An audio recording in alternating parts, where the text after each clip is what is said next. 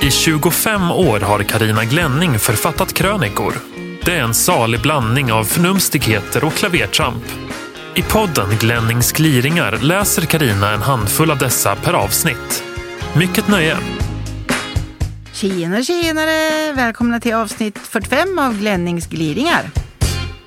Ljudet av små fötter. Varning! Följande inlägg kan hos känsliga läsare väcka anstöt och framkalla illamående. Nu är det kaos där hemma. Uppbrutna golv och nedrivna väggar. Gubben har högljutt klagat över tvättstugan sedan han flyttade in och nu ska den fräschas upp. Av bara farten följer tydligen det angränsande köket med i renoveringsiven. Och så ska det borras ny brunn.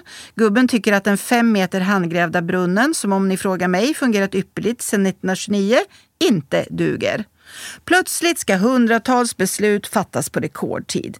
Färg på klinker, ytskikt, gipsskivor eller ej, tapet eller målat, bröstpanel eller pärlspån, tak, golv, hantverkare kommer och hantverkare går. Mitt i detta försöker vi leva ungefär som vanligt med rum som är avskilda med plast och utan vatten men med utedass. Vi borstar tänderna i plastmuggar utomhus, tvättar oss i sjön eller med våtservetter och övar oss i konsten att laga mat genom att använda minimalt antal redskap. Det är som att vara ute och kampa. Eller som gubben säger, det är bara att intala sig att vi hyrt ett pittoreskt sommarhus för 7000 kronor i veckan och nu njuter av den charmiga obekvämligheten. Nåja, själv funderar jag över helt andra ting. Nämligen hur många bor det egentligen i det här huset? Jag trodde att det var gubben, jag, 17-åriga sonen och den vresiga katten Sören. Men antalet invånare tycks vara tresiffrigt. När golven bröts upp av finfina snickarna Nicke och Halvar blev det väldigt tydligt. I isoleringen, eller snarare i det som en gång för länge sedan fungerat som isolering, fanns hundratals små tunnlar. Här och där dyk typ sovrum upp där hyresgästerna nogsamt placerat eklöv i tjocka lager till som små madrasser. Och så alla dessa skafferier. Här har det sörjts för många kommande generationer vill jag lova. Där låg högar av solrosfrön, plommonkärnor, havre, hasselnötter med skal, katten Sörens torrfoder, jordnötter. Alltså, här släpar gubben och jag hem mat till fåglar, katt och hjortar. Det senare är hans påfund, skyll inte på mig. Sen är det alltså andra som släpar in och ned samma mat till sina lönnskafferier under golvet. Nicke och Halvar tog det hela med luttrad ro. Äh, så här ser det ut i alla gamla kåkar med krypgrund. Det är förmodligen likadant under alla era golv i kåken. Där fick man kanske lite mer information än vad som var nödvändigt och uttrycket ljudet av små fötter fick sig ytterligare en dimension. Men du måste ju ha hört dem, menade snickarna. Nej, jag hör rätt dåligt faktiskt och det är alls ingen dum åkomma. Gubben får nog tagga ner snacket om hur oerhört effektiv hans inhandlade elektriska musskrämmare under diskbänken är. Den har visserligen resulterat i att mössen slutat sitta i soppåsen och dinera, men lever livets glada och mätta dagar under golvplankorna istället. Umbäranden är nyttigt. Om det var en chock att bli av med vattnet så var det en ännu större chock att få det tillbaka. Vi fick liksom börja lära oss gå igen, gubben och jag. Planen var att vi skulle vara utan vatten i en vecka. Ny brunn skulle borras och tvättstugan och halva köket göras om. Många rör blir det. Ett tiotal hantverkare har varit inblandade i övningen. Av olika anledningar och en del missförstånd drog det ut på tiden. En vecka blev till två, som blev till tre, som blev till fyra, som blev till fem vattenlösa veckor. Vi har tvagat oss i sjön och hos goda grannar. Vi har hämtat vatten hos grannen och mamma en mil bort har kört ett gäng tvättmaskiner åt oss. Och gårdens utedass har varit flitigt använt. Vattnet i den handgrävda fem meter djupa brunnen har vi visserligen haft tillgång till genom en hink med ett snöre, men druckit det, nej det har vi inte. När brunnsborrarna kom drog vi undan cementlocket. De kikade ner och levererade följande kommentar. Och dra åt helvete! Ni har väl inte druckit av det där? Jo, i 18 år faktiskt. Och många andra har gjort det långt före 1996 när jag köpte kåken. Svensken gör i snitt av med drygt 200 liter vatten per dygn. 200 liter vatten per dygn. Då är även bebisar inberäknade. Vi tvättar, vattnar, duschar och skvalpar runt med vatten utan att tänka på hur mycket vi använder. Det slår en när man plötsligt knappt har något vatten alls och alla vardagssysslor måste ske med ett stort mått beräknande och logistisk tankeverksamhet. Det varma potatisvattnet åker såklart ner i den kladdiga tomma gratängformen. Vattenkokaren har gått varm eftersom vi trots papperstallrikar behövt diska en gång om dagen. Innan det fortfarande varma diskvattnet tömts ut har vi gnott av allehanda saker i närmiljön. Under fem veckor gjorde gubben, jag och 17-åringen av med cirka 4 deciliter vatten per dygn. Mot 200 liter. Det är fantastiskt vad anpassningsbar människan är. Dagen före midsommarafton var en stor dag. Vatten stod det i min almanacka med stora bokstäver. Rörmokaren installerade det sista och drog på vattnet från 102 meters djup. Om allt fungerade? Jo då, förutom att husets invånare inte riktigt hängde med i svängarna. När jag kokade potatis på midsommarafton sa gubben “Använd samma vatten till äggen nu också”. “Självklart, tror du jag är dum eller?” kontrade jag. På kvällen gick jag ut i trädgården för att borsta tänderna. Och på lördagen slog det oss att vi, två dygn efter att vattnet började flöda, inte hade duschat. Däremot varit nere och badat i sjön. Umbäranden är nyttigt. Vi behöver bli påminna om vårt överflöd för att förmå uppskatta det. Några torrskodda veckor och vanliga faciliteter känns som rena lyxen. Att bli nykter på en kvart. Kära semesterfirare, idag ska jag berätta hur man blir nykter på rekordtid. Ja, på bara en kvart. Man tappar bort 25 000 kronor. Det är något lurt med 60-åriga gubbar. Skaffar de inte en cab så skaffar de en motorcykel eller en båt. MC har gubben redan avverkat och statusbilar är inte hans grej. Så nu skulle det bli båt nere vid lilla stugan i väst. Han hade sett en fin utombordare på Blocket och tog ut 25 000 kronor i kontanter på fredagen. Jag fiskade upp gubben efter hans jobb och körde de 30 milen till stugan i väst. Vi har en liten tradition. Den som inte kör får en liten flaska vin att öppna efter Jönköping när halva sträckan är avklarad. Ja, för ledighetskänslans skull liksom. Jag hade missat att införskaffa en sådan. Det skulle han aldrig göra till mig kan jag säga. Däremot fanns det en bag-in-box i baksätet. Gubben var taggad. Redan i höjd med kanohuset i Linköping började han skvimpa med vinet. Glas hade jag också glömt. Nu skulle alltså vinet ner i en liten petflaska för att kunna avnjutas. Det gick sådär. Ni som tycker att det är trashigt att dricka vin i plastflaska kommer nog ändå att tycka att gubben var värd det där vinet. Efter tre och en halv timmars bilfärd var vi nu framme. Gubben var hyggligt rund under 44 och glad som ett helt barnkalas. Vi lagade mat och njöt. Det var nu gubben gick från en och en halv promille till 0,2 promille inom loppet av en kvart. Barnkalaset blev till en begravning. Var är kuvertet med de 25 000 kronorna? undrade han plötsligt med jagad blick och blanksvettig flint. Ett febrilt genomletande av bil, väskor, stuga och fickor tog vid. Gubben var i ett handslag spiknykter. Kuvertet fanns ingenstans. Åh, jag går upp sex imorgon bitti och åker tillbaka till Linköping. Jag får inte en lugn stund förrän jag hittat pengarna.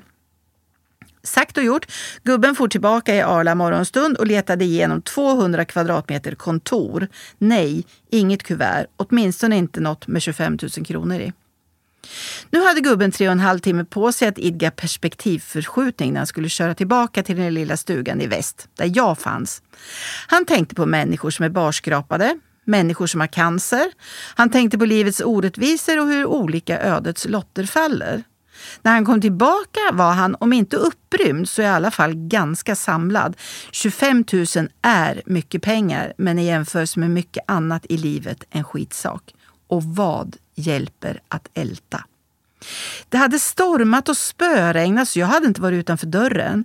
På kvällen sprack himlen upp och vi skulle ta en promenad. Utanför dörren frös gubben fast som en stenstod. Kom hit! I hörnet på verandan intill en presenning låg ett vitt kuvert med 50 blöta sedlar i. När vi kom fram dagen innan hade gubben slängt kavajen över verandaräcket och kuvertet uppenbarligen åkt ur. Om det blev någon båt? Nej. Om man först tar ut 25 000, sen förlorar dem och slutligen ägnar ett dygn åt att leta efter dem, då håller man i dem ett tag med stadig näve.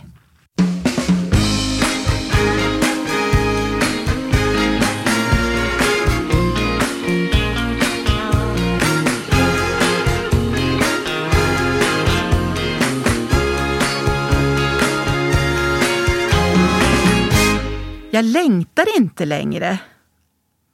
Det är högsommar och jag strosar stigen fram. Mättad natur. Så tyst, så rofyllt. Tänker att jag helgen måste titta efter kantareller.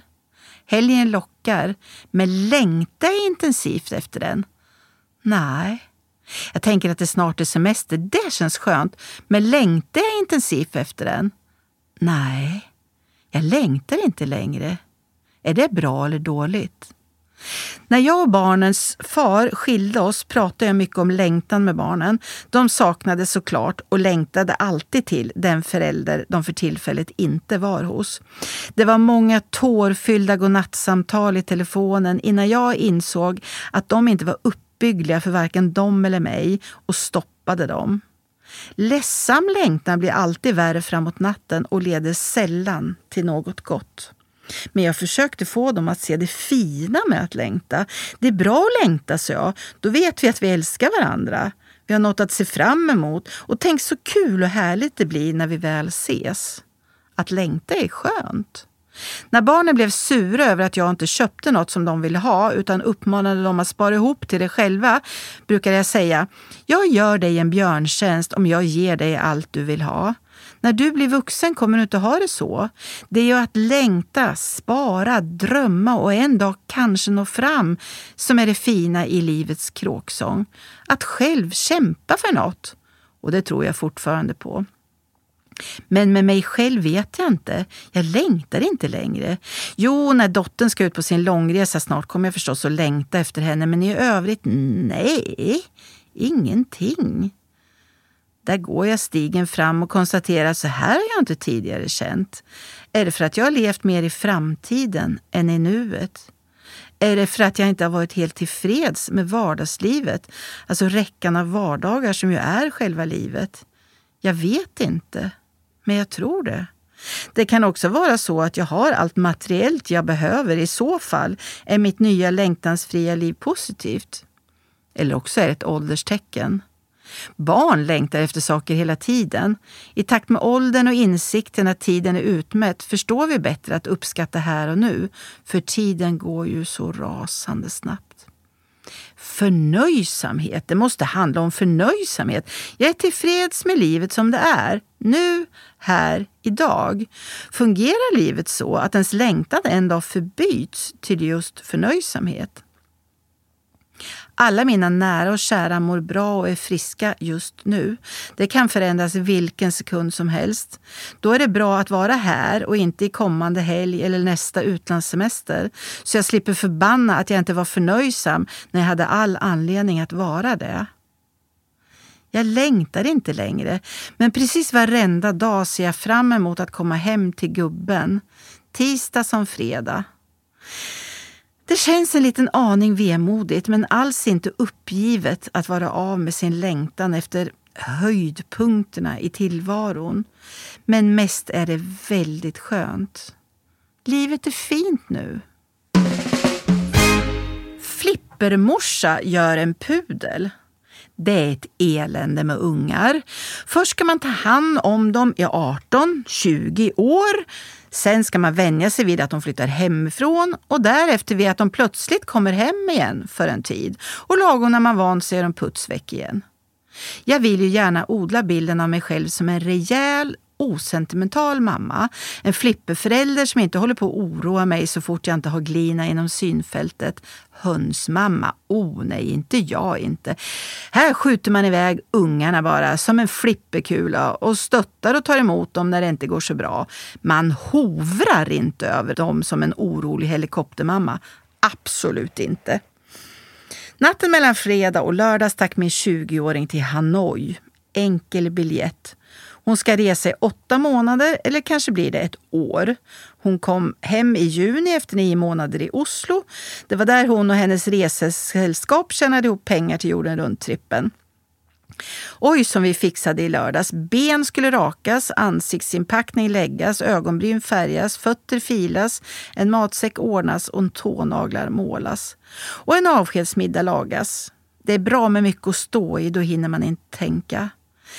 Men när hon väl blivit upphämtad mitt i natten, vem var det då som låg och snörvlade och snorade tills kudden var genomkladdig? Jag. I skallen skrev jag ett långt brev som jag tänkte sätta på pränt dagen på. Det handlade om vilket tomrum hon lämnat efter sig, hur mycket jag alla redan saknar hennes humor, skratt och positiva livssyn, hennes hjälpsamhet, hennes...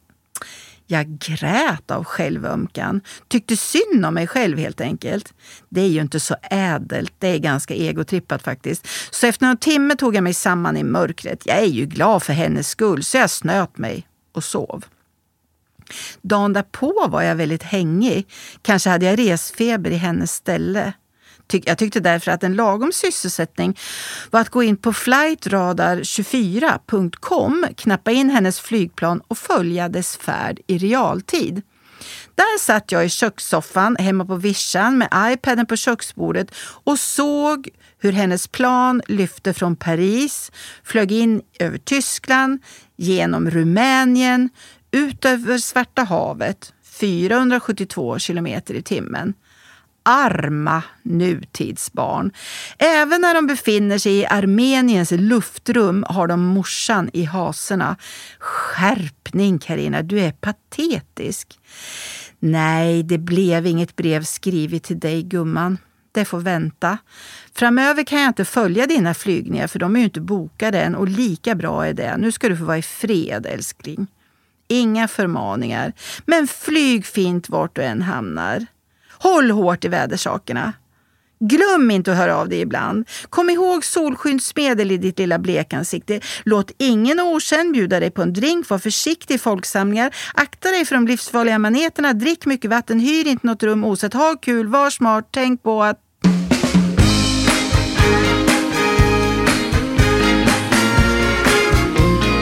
Du har lyssnat på Glennings gliringar. Ansvarig utgivare, Christer Kustvik.